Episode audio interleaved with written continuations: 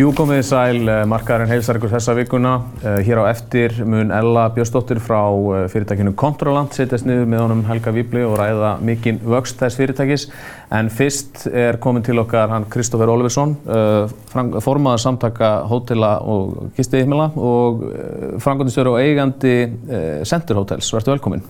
Takk hjá um, Það sem ég langaði til að spyrja þið fyrstum er um, núna er þessi gaggríni sem hefur komið fram meðal annars frá eblingu, alþjóðsambandinu, uh, starfsgrænsambandinu núna þegar ferðarþjónastan er að ná vopnum sínum hægt og rólega aftur þá er það fyrsta sem heyrist frá þeim að þeir óttist að núna hérna, verði, verði kjör starfsfólki ferðarþjónustu verri en áður og þetta verði reist á reist á óheðilegri grunni eða hvernig sem orðið það.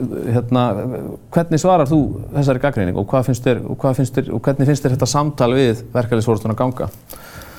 Já, ég er nú búinn að fylgjast með það lengi. Mér leiðist mjög þetta samtal eins og það er núna sko. Innan okkar viðbanda í FHG, sem er fyrirtæki hótellogisti þjónust, er um 90% hótelherbygg í landinu og við könnumst ekki við þetta hjá okkar félagsmönnum, þessi kjærasamningsbrot sem við þarna verið að tala um. Þannig að ég held að bara heilbrið og góð e, umræða við fórkól og verkanlýsfélagana geti hjálpað okkur í þessum efnum sko. Við erum búin að verða fyrir, mjög fyrir barðinu á e, þessum slag í síðustu kjærasamningum. Þá var lokað hérna nokkurum, hvað ég að segja, handvöldum hótelum hérna í miðborginni aðal í miðborginni. Það var sem starfsmenn stjættafélagana sendu... Uh, já, þeir fóru í verkvall, já, já, já, og, og hérna við erum að loka að mestu og halda uh, gangandi stjórnendur sem að gátu unnið og svo framvegs. Þannig að við tókum til dæmis saman tölur á þeim tíma sem að sína það að já, í efrum talið hafðu laun hækkað um 80% bara takstar eflingar um 80% frá 2014 til 2018 í efrum talið og ívið minna í krónum talið en þannig að í okkar grein eru að borga hæstulögn í heimi og við erum í alþjóðleiri samkefni þannig að við erum bara teljum okkur bara standa okkur helviti vel, satt að segja. Já, já, þannig að þú kannski vilt ekki svara þessari gaggrinni beint nema bara með því að segja að það eru mjög há laun í þessum geira á Íslandi. Já, ég, ég, eins og ég segi, ég held að lausnin sé bara skynsanlega samtal þar sem er skiptast á skoðunum um það hvað, hvað er það sem við erum að gera rámt að mati verkalýsfjöfingarinnar og, og geta þá bent á það og konkrétt dæmi. Það, það er, mér finnst ekki rétt þegar að fyrirtæki verður gjaldtróta og eigandi tapar öllum sínum eignum að kalla það launathjófna þar sem fer í ríkis ábyrðasjóð launa og greiðist þar. Það er í raun og veru bara það þarf að vera aðeins hugulegur umræða, finnst mhm. mér. Mm -hmm. um, svo við höldum áfram með þessi vinnumarkastendum mál. Það hefur hafa heist rattir undanföldnu, engum frá fyrirtækjum í ferðarþjónustu, um að það eh, sé að reynast erfitt að finna fólk í vinnu. Við erum með ansi hátt aðdunleysi hérna á Íslandi akkurat núna. Um, en mörgum er að reyna stærfitt að, að hérna, ráða inn í það stöðu sem er að fylla núna. Er, er þetta eitthvað sem þú verður var við sjálfur? Jú, jú, það er svo sannarlega. Við erum að opna þrjú hótel til viðbótar, við erum með tvö ábyrn og erum að opna þrjú til viðbótar um núna 15. og svo næstu mánuðamót og þurfum að ráða inn mjög mikið af fólki og við erum með alla ánga úti að leita og, og við fáum mikið af góðum umsóknum frá vinnumálastofnun en við fáum líka mjög margar sem að þar sem fólk er í raun ekki, sem er reyndar flestar, þar sem fólk er í raun ekki að leita vinnu. En þetta er bara mikilvægt að fara í gegnum þetta og fara í gegnum inn á bunga til þess að minka þennan lista og við gerum það mjög samvinsku sannlega. En e sko, mín reynsla af starfsfólki, eða okkar reynsla af starfsfólki vin, vinnumálastofnun er að þau standa sér ljómandi vel og, og, og gera sína vinnu en það eru ákveðni ferðlar náttúrulega sem að þarf að fara í gegnum þegar að vera verið að útdeila almanna fjö eða e, eh, atvinnlegisbótum sko. Mm -hmm. Þannig að vafalust væri rétt að leiðin svona í kjálfari núna að skoða þetta vel. Sko, þetta, þessa ferðla allavega, þetta kerfi. Mm -hmm vonum reyndar að við lendum aldrei í svona stöðu aftur eins og við núna sko. já, já. en við, við leitum og leitum eftir öllum leiðum af fólki og svoleiðis er með held ég flest fyrirtæki núna sem er að undirbúa opnunin sömur. Já, þannig að þú ert með, fyrir þá sem er í áttunlegin, þú ert með opna stöðu. Já, já, já, já. Um, svo við, sko við skulum ekki pæla, dvelja ómikið við fortíðina en ég ætla hins vegar að spyrja það bara stutt út í þessi úrræði stjórnvalda. Þú hefur nú eitthvað tjáðið með áður, þessar hlutabóta leið þar sem er borgað 75% launukostnaða móti og það er náttúrulega kannski þegar það eru engar tekjur, þá er samt erfitt að standa undir þessum 25% en hvernig, svona, núna bara svona östuðt, hvernig virkaði þetta? Reyndist þetta þínu fyrirtæki til, til að mynda vel? Já, þetta var 25% í upphafi en, en lungana tímanu var að 50% þannig að við greitum 50% en fengum eða, eða öllu heldur starfsfólki fekk síðan 50% frá, frá ríkinu. Og uh, þetta reyndist afar vel, þetta var bara mjög vel hefnuleg og þetta gerir það verkum að núna getum við startað upp, mm -hmm. það, er bara, það er bara hreinlega svoleiðis.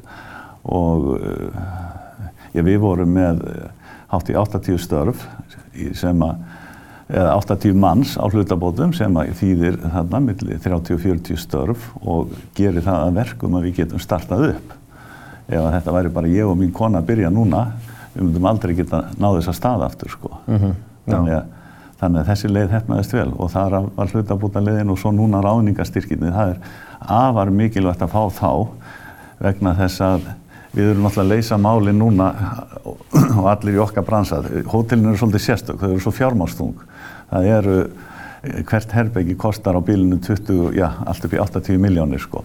Þannig að, þannig að þetta er þetta mál þurfum að semja um í banka og lánastofnanir mm. hvernig við frestum og hvernig við e, ja, glýmum síðan við snjóhengjuna sem er að sapnast upp það er nefnilega glemist sko núna í allt, meira gaman að vera til núna af því að það er alltaf í rétt átt mm. heldur nú saman tími fyrra en snjóhengjan er þarna og ef við fáumst ekki við hana þá, þá hrinnur hún yfir okkur er mm. góðan við þetta Þú ert þess, þessi snjóingja, þú ert að vísa til þess og það er ekki bara vikku, bara alla sem er í hótelregstri, það er þetta þessar uppsöfnuðu töpuðu leigutekjur sem að eh, eigendur fastegnan er að horfa upp á og, að, og það þarf einhvern veginn að semja um þetta. Já, já, þetta endar náttúrulega hjá fjármasi eigendum sem eru bankar og lífeyrissjóðir að, eh, að það, eru, það er í þessari virðiskeðju, það eru leigutæki, leigursali og fjármasegandi og þessir aðilar eru að ræða og þurfa að ræða um það hvernig tjóninu verið skipt. Það fjallin í verið dómur í svo kallar Fosshótelsdómur sem var mjög mikið tímaðmóta dómur í þessu. Það verður, hann fekk flítið með þeim fyrir hæstarétti og við býðum mjög spenntir eftir niðurstöðin í haust. Það getur haft mjög mikil áhrif á það hvernig þetta verður gert upp. Mm -hmm. Hrunni var gert upp með því að gengislán voru dæmt ólögleg og þess vegna Uh, fóru færri á hausinn. Fyrir þá sem þekk ekki fórsóttistofin, getur þú sagt okkur ástuðt hvað, hvað, hvað hann fól í sér og hvaða afleggingar það mun hafa fyrir geran í helsinni? Já, það, það var deila millir leigutak og leigusala um 800 miljóna leigutekjur.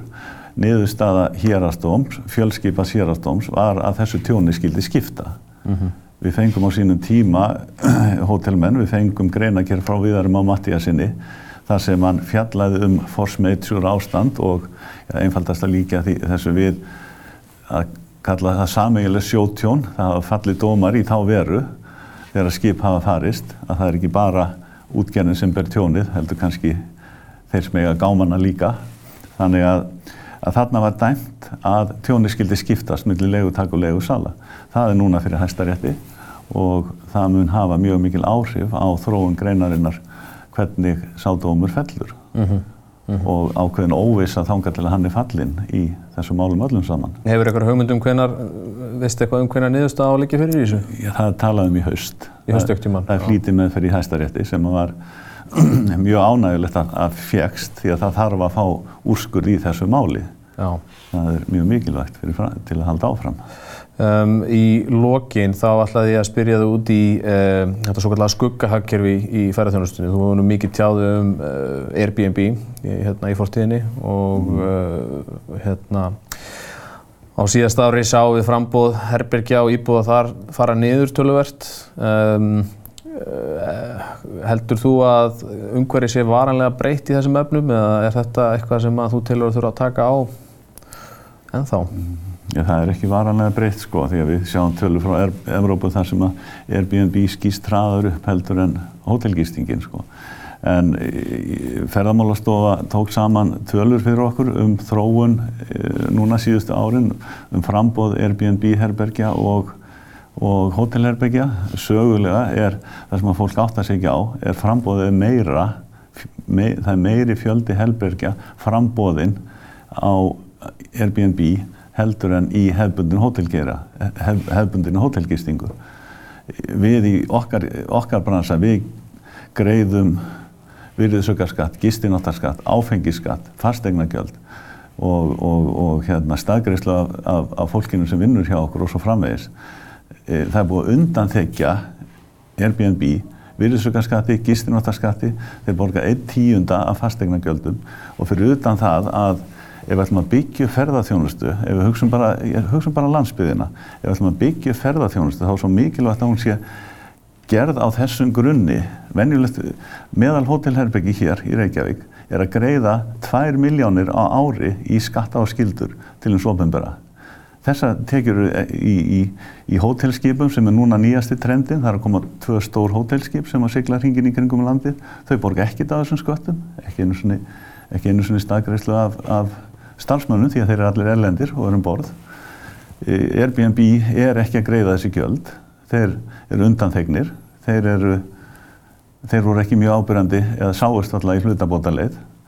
Það var búið að gera átak í þessu og skattarhanskónastjóri var komið með tölur, það var okkur mikil vonbriði þegar hann tilkynnti það núna fyrir skömmu að þeir hefði ekki tíma til að taka þetta mál fyrir. Mm. Ekki að svo stöttu, vonandi, verður úrbæður í því. Þegar þetta er mál nummer 1, 2 og 3 Það er til mjög flókin lagabálkur um, um ferðarþjónustu en hann gildir bara um mjög lítinn hluta sem er þessi hefðbundna ferðarþjónusta. Svo er bara hinn helmingurinn sem er þessi, hin, þá, þetta gildir ekki um það. Mm. Þannig, að, þannig að það er, væri góð byrjun að ákveða það að við þurfum að henda þessum lögum um, um ferðarþjónustuna og veiting og gististarfsemi og, og byrja svolítið upp á nýtt á næsta kjörtímanbili mm -hmm. með það í huga að hvað hendar land og þjóð best. Já. Þetta voru mistök að þetta svo kallaði deilikerfi sem tóst að selja mönnum hérna, deilihækkerfi sem við kallum skuggahækkerfi fyrir nokkrum árum og það, það er búið að vera einhver mest að ógjafa þessa, þessa bransa og uppbyggingar í bransanum til framtíðar sem bara hefur e, frá upphafi við þennan bransa sko. Mm. Þú er nú samt bjart sinnið það ekki? Jú, ég er bara nokkuð bjart sinn. Okay. En það er hins vegar, það má ekki gleyma því að, já til dæmis í, í, í hérna sumar sko, þá er gisting, meðal gisting til dæmis í nýtingi Reykjavík er komin hæst í 50%. Uh -huh. Menn er að tala um að það sé alltaf verið fullt. Það er bara einfallega ránt. Við erum með allar þessar tölur. Okay. Það er nóg, nóg pláss eftir. Takk fyrir komuna Kristófer. Uh, við komum aftur á vörmuspori uh, þar sem Helgi vil mun ræða við hana Ellu hjá Kontrolant. Farið ekki langt.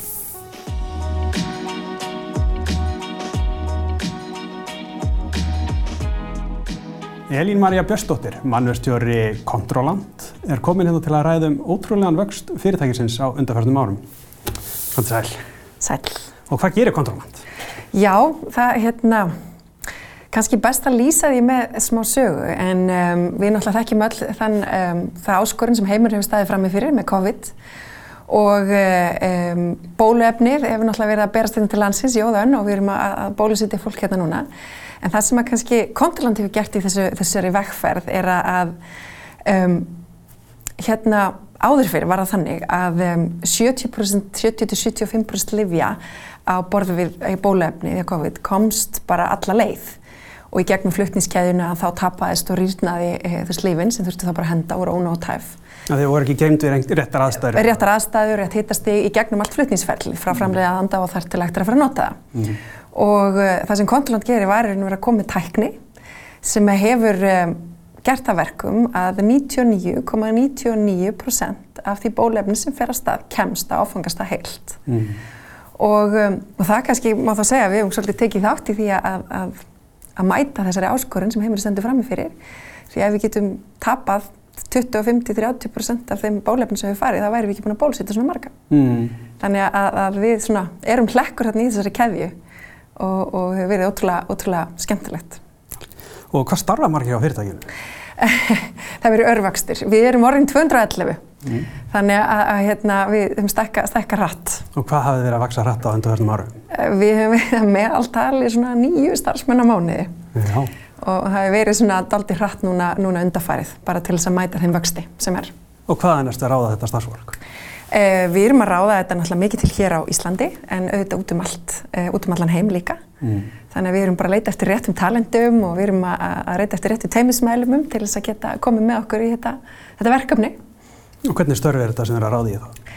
Þetta eru alls konar störf og um, það sem kannski eins og núna með þessum vexti, það sem að, að, um, að við erum að alltaf að auka tækin sem við erum að framleiða og það er verið að auka þjónustuna sem við erum að veita við okkar, okkar viðskiptavinni, að þá erum við að, ráða mikið inn í, hérna, rannsóknir og þróun þá deilt. Uh, við erum líka að að ráða mikið núna inn í, inn í operations, afsaki orðalæð, en, en þann hluta sem er svona að snýra framleiðslunni og eh, hérna svona hvernig umsýslunni allt í kringum, mm. kringum sem styrjum við framleiðsluna og það. Mhm. Um, uh, síðan erum við líka að ráða inn í, í þjónustuna, Mhm. því við erum náttúrulega með uh, sólarringsþjónustu í gangi til þess að monitora Já, þið vakti lefin í raun Akkurat, já, já. Þannig að það þarf að manna það. Þennan control tower sem að í raun og veru gefur okkur þessar upplýsingar, Mhm. bara alveg real time. Þannig að við erum með það og svo í raun og veru bara í, í, í ljósi þessa vexta þá erum við að ráða inn í flestar deildir að einhver leiti og við erum svona bara að gera það smátt og smátt inn í, í, manninsdeildina, inn í, í fjármáldeildina og, og svo leiðis eftir þörfum sko. Er þetta mörg þjóðerni þá sem starfa hjá fyrirtækinu? Já, ég, hérna, það eru orðin ansi, ansi mörg. Ég, um, ég erum alveg vel yfir 20 þjóðerni Mm. þannig að um, og það er ótrúlega skemmtilegt. Þannig að vinnutungumáli er þá enska? Já, vinnutungumál er enska og, um, og við erum með þessi þjóðarni hér á Íslandi og síðan auðvitað erlendis líka. En, Hvað er með staðstöru þar erlendist þá? Við erum með, í raun og veru bara svona fjarstarfsmenn á mm. vissmjöndi stöðum og svona litlar, litlar bara skrifstofur þannig að það er í bandarækjunum á nokkrum stöðum og í Evrópu. Það eru svona okkar, okkar staðir en við erum ekki búin að setja upp starfstöð ennþá. Mm En hérna, uh, hvað sér þið fyrir þér að þurfa að ráða mikið þá í nánustu framtíð á starfsfólki? Já, við erum náttúrulega bara í ljósi eh, þess vakstar sem við horfum fram árið 2022 að þá erum við alveg svona, verðum við örgulega náttúrulega 300. Mm. Þannig að við erum að fara að taka í triðja í viðbót við það sem við höfum núna og erum náttúrulega að leita að eh, fólki með reynslu og, um, og það er kannski það sem við verðum að gera núna síðustu ára. Við erum að fá inn reynslu mikið fólk sem getur komið með okkur í þessa vegferð. Þetta náttúrulega fer frá því að vera lítið sprota fyrirtæki þar sem að, að allir eru svolítið í, í, í raun og veru öllu eins og bara þarf á svona tímum. En, en þegar kröfunar eru meiri og, og, og svo leiðis og, þetta stekkara þá þurfum við þetta meiri ferla og, og um, svona, hérna, og þá er náttúrulega frábært að fá inn reynslu meira fólk sem hefur verið að koma til okkar. Hvernig er, fer maður að því þá að ráða inn reynslu mikið fólk til þess að fá þessa skiptum þá að væntalega vinnustað og, og færa það inn til sín? Já, já, við höfum allavega verið svo lánsum að, að margir hafa haft áhuga á fyrirtækinu, bæði kannski ljósi þess hvað áhugaverð tæknin og þetta sem við verum að gera og líka bara í því að um, fá að taka þátt með þessu teimi að einhvern veginn búa til þennan infrastruktúr sem þarf til þess að geta mætt þessari skölun. Þannig að, að við höfum verið mjög heppin að, að svona mjög reynslu mikið og fært fólk hefur komið til okkar núna síðustu mánuði og verður vantarlega á komandi mánuðum líka. En auðvitað er alltaf áskorun, ég meina það eru margir hérna úti frábærir í frábærum störfum hjá frábærum fyrirtækjum og hérna, en, en við allavega höfum verið svo heppin að það var margir vilja koma. Menningin okkar er ákvæmlega góð. Veginn- Hvernig men, menning er þetta? Svona... Þessum fyrirtækjamenningin, við köllum oft hérna kontraland fjölskyldan Mm. og um, auðvitað sem sagt, þegar fyrirtæki er lítið að þá, um, þá er svona tröstið allt mjög mikið og, og allir einhvern veginn svona samskiptamátar eru einfaldir og allt svo leis en það sem þeir náðu að byggja alveg frá grunni hérna stopnundunir var óbúslega mikið fókus á bara manneskuna bara hvernig, þú veist, að fólki lífi vel í vinnunni, að fólki eigi góð samskipti að við séum svolítið þroskuð samskiptum já, þrátt fyrir fjölbreytileikan að við fagnum því að við séum ólík með ólíka talenta, ólíka skoðanir. Og, og það er svolítið það sem að allavega ég tók við um áramót. Ég kom að mjög góðu búi hvað þetta varðar. Og, og það hefur bara verið gaman að, að halda áfram að vaksa og viðhalda þessari menningu. Þetta er ekki það fyrsta sem maður hugsaðar þegar maður heyrir að verkfræðingar er að stopna saman tæknifyrirtæki. Það að segja að sé lagt með kláðislu að sé æðislu vinnustáður. Nei, en það er kannski akkurat fjölbreytileiki. Svo ég notið svona fordómana. Um, það er kannski bara grunnurinn í því að, að stopnendunir voru ólíkir einstaklingar. Þeir voru ekki allir verkfræðingar. Þannig að, um, að þeir hafðu mismunandi nálgun. Mm. En, um, en ekki það að mér finnst nú verkfræðingarnir hafa ákaflega mikið svona jákvæða tengingu inn í það að fókusera á manneskjuna sko. Mm. Þannig að, að, kannski er þetta bara einhverju fordamar sko. Já, vonandi. Mm. en hvað er hérna að drífa áfram en það mikla vöxt á sem við erum búin að ræða um? Akkur er búin að vera áhald þetta fólk? Við erum náttúrulega bara að fjölga þeirri þjónustu og sem við erum að veita til okkar viðskiptavina. Mm. Við erum að fjölga tækjanum sem var út, þannig að við vilja meira, fleiri sendingar, fleiri hérna, veist, meira inn í fleiri vittir á, á fyrirtækinu þannig mhm. að, að það er náttúrulega það sem er að, að hafa áhrif á okkur mm -hmm. og svo náttúrulega bara vera tilbúinn að, að um, veist, geta mætt þessu vel Já. að þá náttúrulega viljum við gera það svolítið svona líka fyrirfram mm -hmm. Jú, þau menna að þau hafa gert samninga um Já. Í framtíðinu sem þau þurfu einhvern veginn að uppfylla Já. þannig að þið veitir svolítið hvernig vöxtunum verður á næstu tól mánuðum eða hvað það er Við vitum það, já, og, og að því sem við allavega að því marki sem við getum mm -hmm. og, og út frá því sjáum við að við þurfum að bæta í okkar, okkar teimi þannig að við erum alveg ótrúlega hérna, svona, höfum rosalega gaman af því að ræða við fólk og, og, og sjá hvað margir hafa áhuga á fyrirtækinu og koma og leggja sitt að mörgum og hvað er líka bara gaman hvað að sjá, það eru ótrúlega mikið af talentum hér á Íslandi. Mm -hmm. bæði eh, sem eru af, sem íslenskir en jáfnframt líka erlendir. Já og svo auðvitað erlendis frá líka þú veist, mhm. eru, eru hérna, einstaklingar sem við verðum svo heppin að fá með, með okkur mm -hmm. sem hafa hérna, komið með opbáslega mikla þekkingu og, og goða hlutin í fyrirtækið mm -hmm. Ég ljósi þess að ráða nýju manns á, á hverju mánuði mm -hmm. hvernig hefur gengið að koma þessu fólki ykkur stað fyrir? Já, það er vissulega áskorun og um, við höfum náttúrulega eiginlega valla þegar við erum komin inn í eitt húsnaði þá erum við farin að skimma eftir öðru og það verðist nú kannski vera svolítið þannig. En við erum á tveimur stöðum í dag, við erum í mm. Holtasmáranum hérna í hjartavendahúsinu þar um, með nokkra hæðir. Og svo eru við nýkomin inn í norðutörnin við Smáralindina Þannig að það er ágætlega rundt um okkur núna en við sjáum með að við þann vöxt sem framöndan er að þá erum við klárlega farin að skima hvernig við getum komið öllum vel fyrir en, en við leggjum áslega mikið upp úr því að hlúa vel að, að starfsfólkinu og búa, búa því vel og goða aðstæður mm. þannig að, og ég held okkur að við tekist ágætlega mm -hmm. þannig að það er svona góð randi hann inn á og, og, og vel hugsaðum fólki. Hvernig er leirinu þá að halda þessari menningu þegar alltaf er að koma nýtt fólk inn í teimið og allt mm. þetta sko? Hva, hver, er líkilina að þið reyna að halda menningun eins og þið vilja hafa hana? Um, það sem að, að með manneskinu náttúrulega í fyrirrúmi að það, uh, kannski eitt af því sem er svona gaman að segja frá, það sem að þegar þú byrjar með lítið teimi þá er tröstir óslulega mikið á milli allra og mm -hmm. það eru auðvildar stuttar bóðleiðir og auðvild að taka ákvarðanir og allt svo leiðis og, mm -hmm. og þetta tröst byggist á kannski langri reynslu saman og svo leiðis. Mm -hmm. En þegar þú bætir í nýju aðlega þá er einhvern veginn þarf, þurfa bæðir þeir sem fyrir eru að opna fyrir þeim og það þarf að byggjast tröst á ný. Því náttúrulega öll góð samskipti og teimi byggjast á trösti. Þannig að við höfum svolítið verið að leggja áherslu á það að sapna saman öllum sem bæðir sem eru nýjir og þeir sem eru fyrir og, og tengja saman teiminn, mm. um, skýra verksvið og ábyrðir og, og gefa fólki svigurum til þess að, að hérna. Svo held ég bara að einhvern veginn er eh, svona áhersla á karakterin er að við erum svolítið opinn og fólk er tilbúið að læra og, og einhvern veginn Mér finnst um, þroski okkar, okkar stopnenda er að þeir vilja alveg sleppa og vilja hleypa öðrum inni og sjá að við þurfum fleiri til þess að halda áfram í næsta skrefi í vegferðinni. Mm -hmm. Þannig að ég held að þetta sé ákveði hugafar líka mm og, og vilji. En auðvitað erum við að gera alls konar hluti með eins og bara sammeilitt námski fyrir alla það sem við erum að blanda saman öllum, að skapa sammeilitt tungumál, við erum að styrkja stjórnundur í því hvernig við gerum það, við erum að búa til mismunandi starfstróunarferli um, því að það er ekkert öllum gefið það að vera leiðtói eða stjórna yfir teimum og, og taka það sem þarf til þess að valda bladra og til þess að, mm -hmm. að, hérna, að byggja þetta tröst systematíst þannig að við erum að búa bæði til farveg fyrir þá leiðtóa og stjórnendur en jáfnframt líka fyrir sérfræðinga.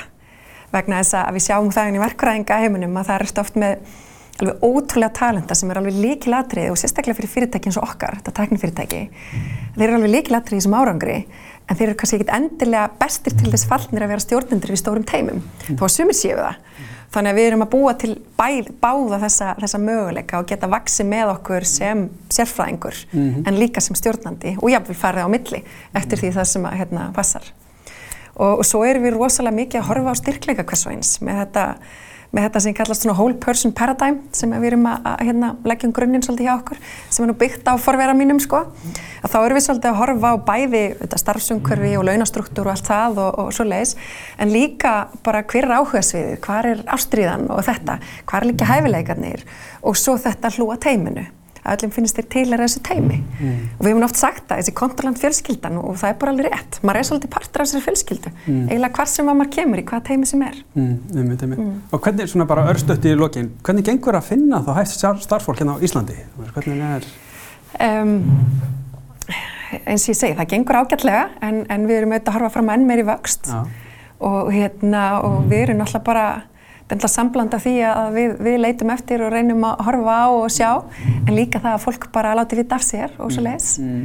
en uh, við erum alltaf að leita ímisra leiða og auðlýsa og, og gera svolítið sluti til þess að fá inn mm. en það þarf líka að vera réttu tímapunktur fyrir viðkomandi sem eru kannski búin að vera lengi hjá öðrum fyrirtækjum og annarkosti tímabært að færa sig og takast á við nýjar áskoranir og eitthvað þannig. En það er bara alls konar. En, en ég held við samt búum yfir góðu talentpúli hæfileikum hér á Íslandi. En auðvitað eru vissi hlutir sem við þurfum kannski anþá meira af. Mm -hmm. og þá sækjum við erlendis líka. Já, einmitt, einmitt. Mm -hmm. enda með yfir 20 starfsmenn erlendis erlendast já, af þjóðarnum Já, já, þannig að, að, hérna, að við erum með 20 þjóðarni, Þjó... já, við erum með, með 14 starfsmenn erlendis, mm -hmm. hérna. Restin er á Íslandi en þessi 20 þjóðarni falla undir hér líka sem að búa hér sko Við skulum láta þetta vera lokaorðin. Þakka kærlega fyrir að koma viðtal til okkar í markaðunum. Og þakka ykkur kærlega fyrir að horfa á. Eh, sjóastátturinn er síndur, eða frumsíndur alla miðugudaga klokkan halv átta. Svo kemur út vikublaðið okkar alla miðugudags mótna. Svo erum við líflegan fréttavef á markaðurum.is. Þakka ykkur kærlega fyrir. Bless.